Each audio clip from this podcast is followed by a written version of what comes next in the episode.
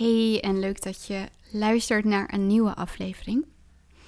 Ik wil het in deze aflevering hebben over hoe persoonlijke ontwikkeling en het duiken in je eigen achtergrond en trauma's soms juist zorgt voor veel meer zelfsabotage dan je hoogstwaarschijnlijk zou willen. En ehm, ja, ik ben hier gewoon heel eerlijk over. Dit is echt hoe ik het zie, hoe ik het ervaar. En dat kan misschien ook wel heel tegenstrijdig klinken, maar mm, ik kom tot een conclusie. En ik heb daar ook een aantal beslissingen voor mezelf ingenomen. Die zal ik meteen met je delen, namelijk dat ik ga stoppen met systemisch werken. Ehm, in ieder geval in de vorm waarin ik dat deed. Bedoel, ik ga echt nog wel eens een keer voor mezelf een vraagstuk opstellen. Of een keer, als een klant dat vraagt, wil ik dat best een keer doen. Maar ja, ik um, zie een patroon bij veel van mijn klanten, bij veel van de mensen in mijn omgeving, bij veel mensen die bezig zijn met uh, persoonlijke ontwikkeling. En ik wil hier niemand mee afvallen. En nogmaals, dit is niet een soort van vingerwijzen van zij doen het niet goed. Ik wil je alleen laten zien dat er een andere manier is. En die manier, dat is de manier waarop ik zelf werk met mezelf. Maar waarop ik ook verlang te werken met mijn klanten. En dat doe ik ook al. En waarvan ik ook denk dat het voor jou ook heel veel inzicht kan geven om daar ehm, naar te kijken op die manier. Nou, waar het over gaat is je trauma's bepalen, um, ja, grotendeels dus je wonden. En je verleden bepaalt hoe je gevormd bent en welke trauma's en wonden je daaraan hebt overgehouden. En dan ga ik heel eerlijk met je zijn, daar doe je in die zin niks aan. Het is hetzelfde als bijvoorbeeld als jij uh, heel hard bent gevallen en je hebt een litteken op je voorhoofd. He, dat litteken dat gaat wel, he, dat, dat is niet meer een open wond, het is een litteken, maar het is wel een litteken en dat blijft. En het is ook niet zo dat dat weggaat. En zo is het ook met alles wat te maken heeft met je familiesysteem, maar ook met de trauma's die je met je meedraagt, je wonden, je overlevingsmechanismen. De afgelopen jaren heb ik zelf ontzettend veel actief aan persoonlijke ontwikkeling gedaan om er achter te komen dat het veel meer gaat om het omarmen van al die stukken van jezelf en daarmee volledig in het reine kunnen komen, dan over het vinden van de oorzaak of het vinden van een oplossing. Want de oplossing zit hem in het ehm, erkennen, in het een plek geven, hè, dus het integreren en je bewustzijn van die wonden en die overlevingsmechanismen maar daar niet mee geïdentificeerd zijn.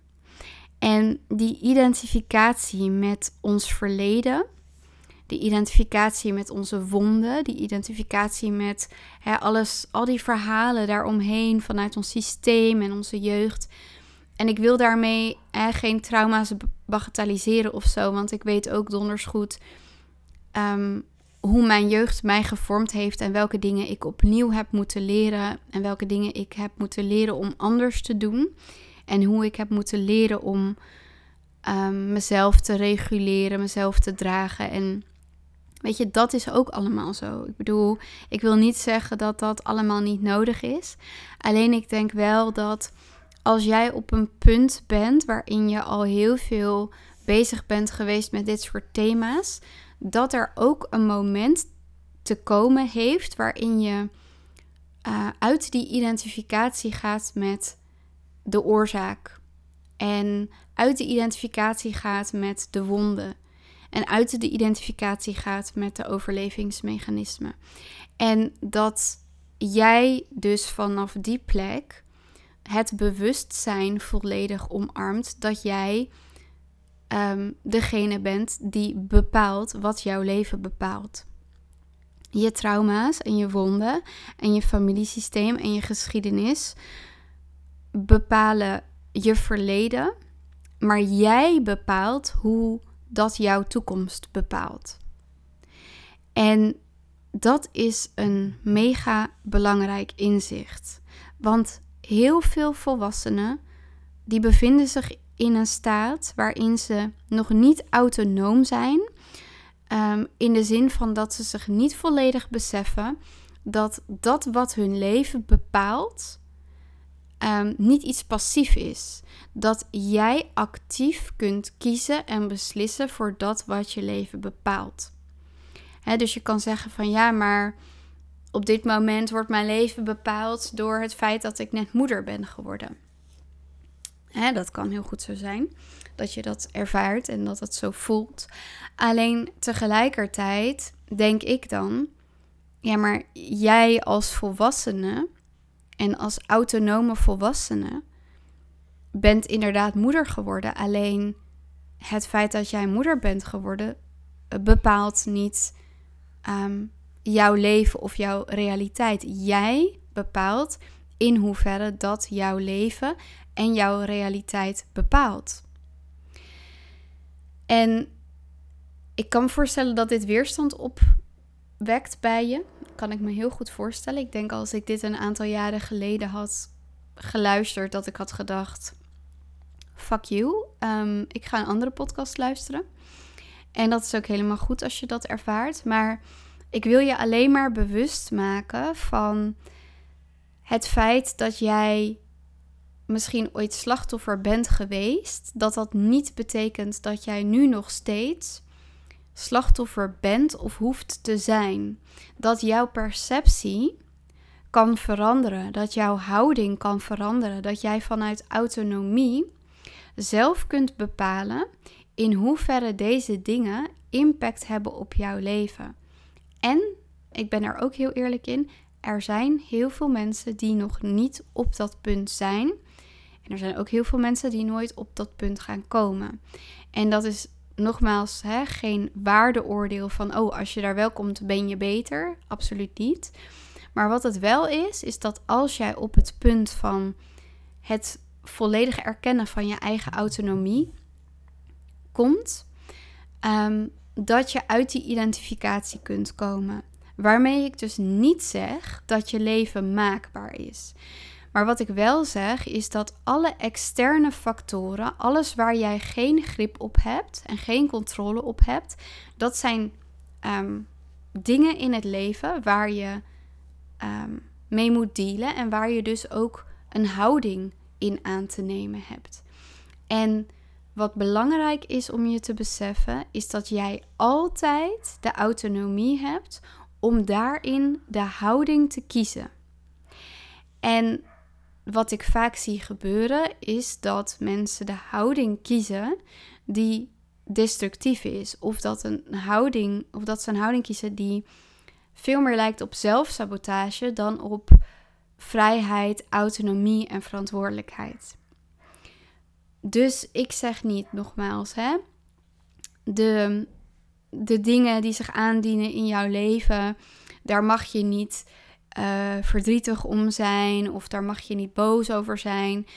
Dat zeg ik absoluut niet. Maar het is aan jou of je het je leven laat bepalen. Het is aan jou of je het laat bepalen hoe je business zich ontvouwt. Het is aan jou of je uh, laat bepalen of dat uh, je relatie kleurt. En ik heb een aantal keren de afgelopen week dit soort gesprekken gehad, ook met mijn cliënten, waarin dit soort thema's gewoon weer naar boven komen. En dan geef ik ook vaak het voorbeeld van regen. stel je voor, je hebt je voorgenomen om een lange wandeling te maken en je wordt wakker en je ziet dat het keihard regent. Wat heel veel mensen doen, is volledig in de weerstand en in een identificatie met die weerstand uh, gaan. dus zij worden bijna die weerstand tegen die regen.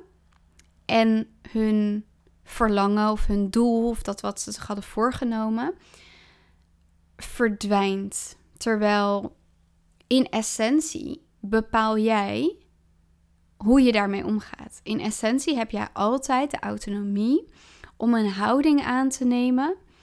Uh, en ook een houding aan te nemen die dienend is. Dus als het gaat om. Stel je voor, die wandeling was echt zo, of is echt zo ontzettend belangrijk voor je. Um, je kunt gewoon beslissen om een regenpak aan te doen. Dan kan je denken, ja, ik heb geen regenpak. Je kunt gewoon beslissen om um, een regenpak te kopen. Dan kan je denken, ja, maar uh, dan moet ik door de regen dat regenpak kopen. je kunt beslissen om jezelf eerst helemaal nat te laten regenen en dat regenpak te kopen om uh, vervolgens je wandeling uh, op een droge manier te doen. Je kunt je paraplu pakken. Dan kan je denken, heb, ik heb geen paraplu. Nou, je kan bij de buren aanbellen en vragen of ze je een paraplu kunnen lenen. Weet je wel, er zijn zo ontzettend veel mogelijkheden waarop het wel kan. En de verwachting die jij dus had over hoe het zou moeten zijn, laat je vervolgens bepalen voor hoe jij je voelt over zo'n dag en over een doel wat je had gesteld. En dit is echt precies wat ik zie gebeuren ook in business. Hè?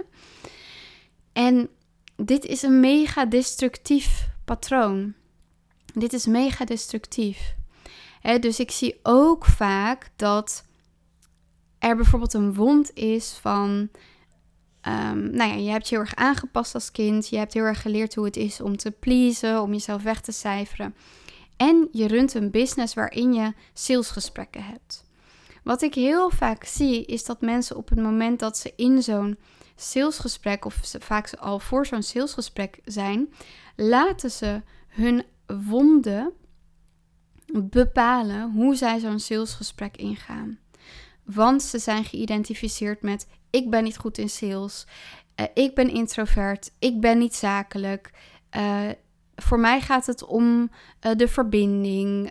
Ik hoef niet, um, ik hoef geen 10k maanden omzet te draaien. Weet je, allemaal dat soort dingen komen dan naar boven als excuses. Maar waar het in essentie om gaat, is dat jij geïdentificeerd bent met een bepaalde pijn of een bepaald overlevingsmechanisme en het dient je niet. Het dient je niet om daarin te blijven en het dient je zeker niet om die identificatie je toekomst te laten bepalen. Want er is ook een autonoom deel in jou wat ervoor kan kiezen om te zeggen: Oké, ik, ben, um, ik ben niet gewend om sales te doen, maar ik ga ontdekken hoe leuk het kan zijn om sales te doen. Weet je, dat is gewoon een, een perspectiefshift. Ik heb heel lang ook gedacht dat sales niet voor mij weggelegd was. Nu vind ik het super leuk, want voor mij is sales geen sales. Ik hang er niet ik hang de lading daar niet aan. Ik kom heel anders opdagen in zo'n gesprek als dat ik dacht dat ik had moeten komen opdagen. Dus dat heeft heel erg veel te maken met hoe jij een weg vindt in het anders kijken naar daar waar je naartoe wil werken. En alles wat je geleerd hebt, alles wat je hebt meegemaakt, is deel van je verhaal, is deel van je achtergrond. Alleen jij bepaalt vandaag of dat jouw leven voor de toekomst bepaalt.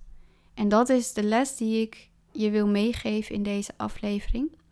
En ik wil je ook uitnodigen als jij voelt: ik ben bereid om dit aan te gaan met mezelf. Ik ben bereid om hier doorbraken in te creëren en los te komen van die identificaties om volledig de ruimte te geven aan alle mogelijkheden die zich aan mij kunnen aandienen op het moment dat ik uit die identificatie stap.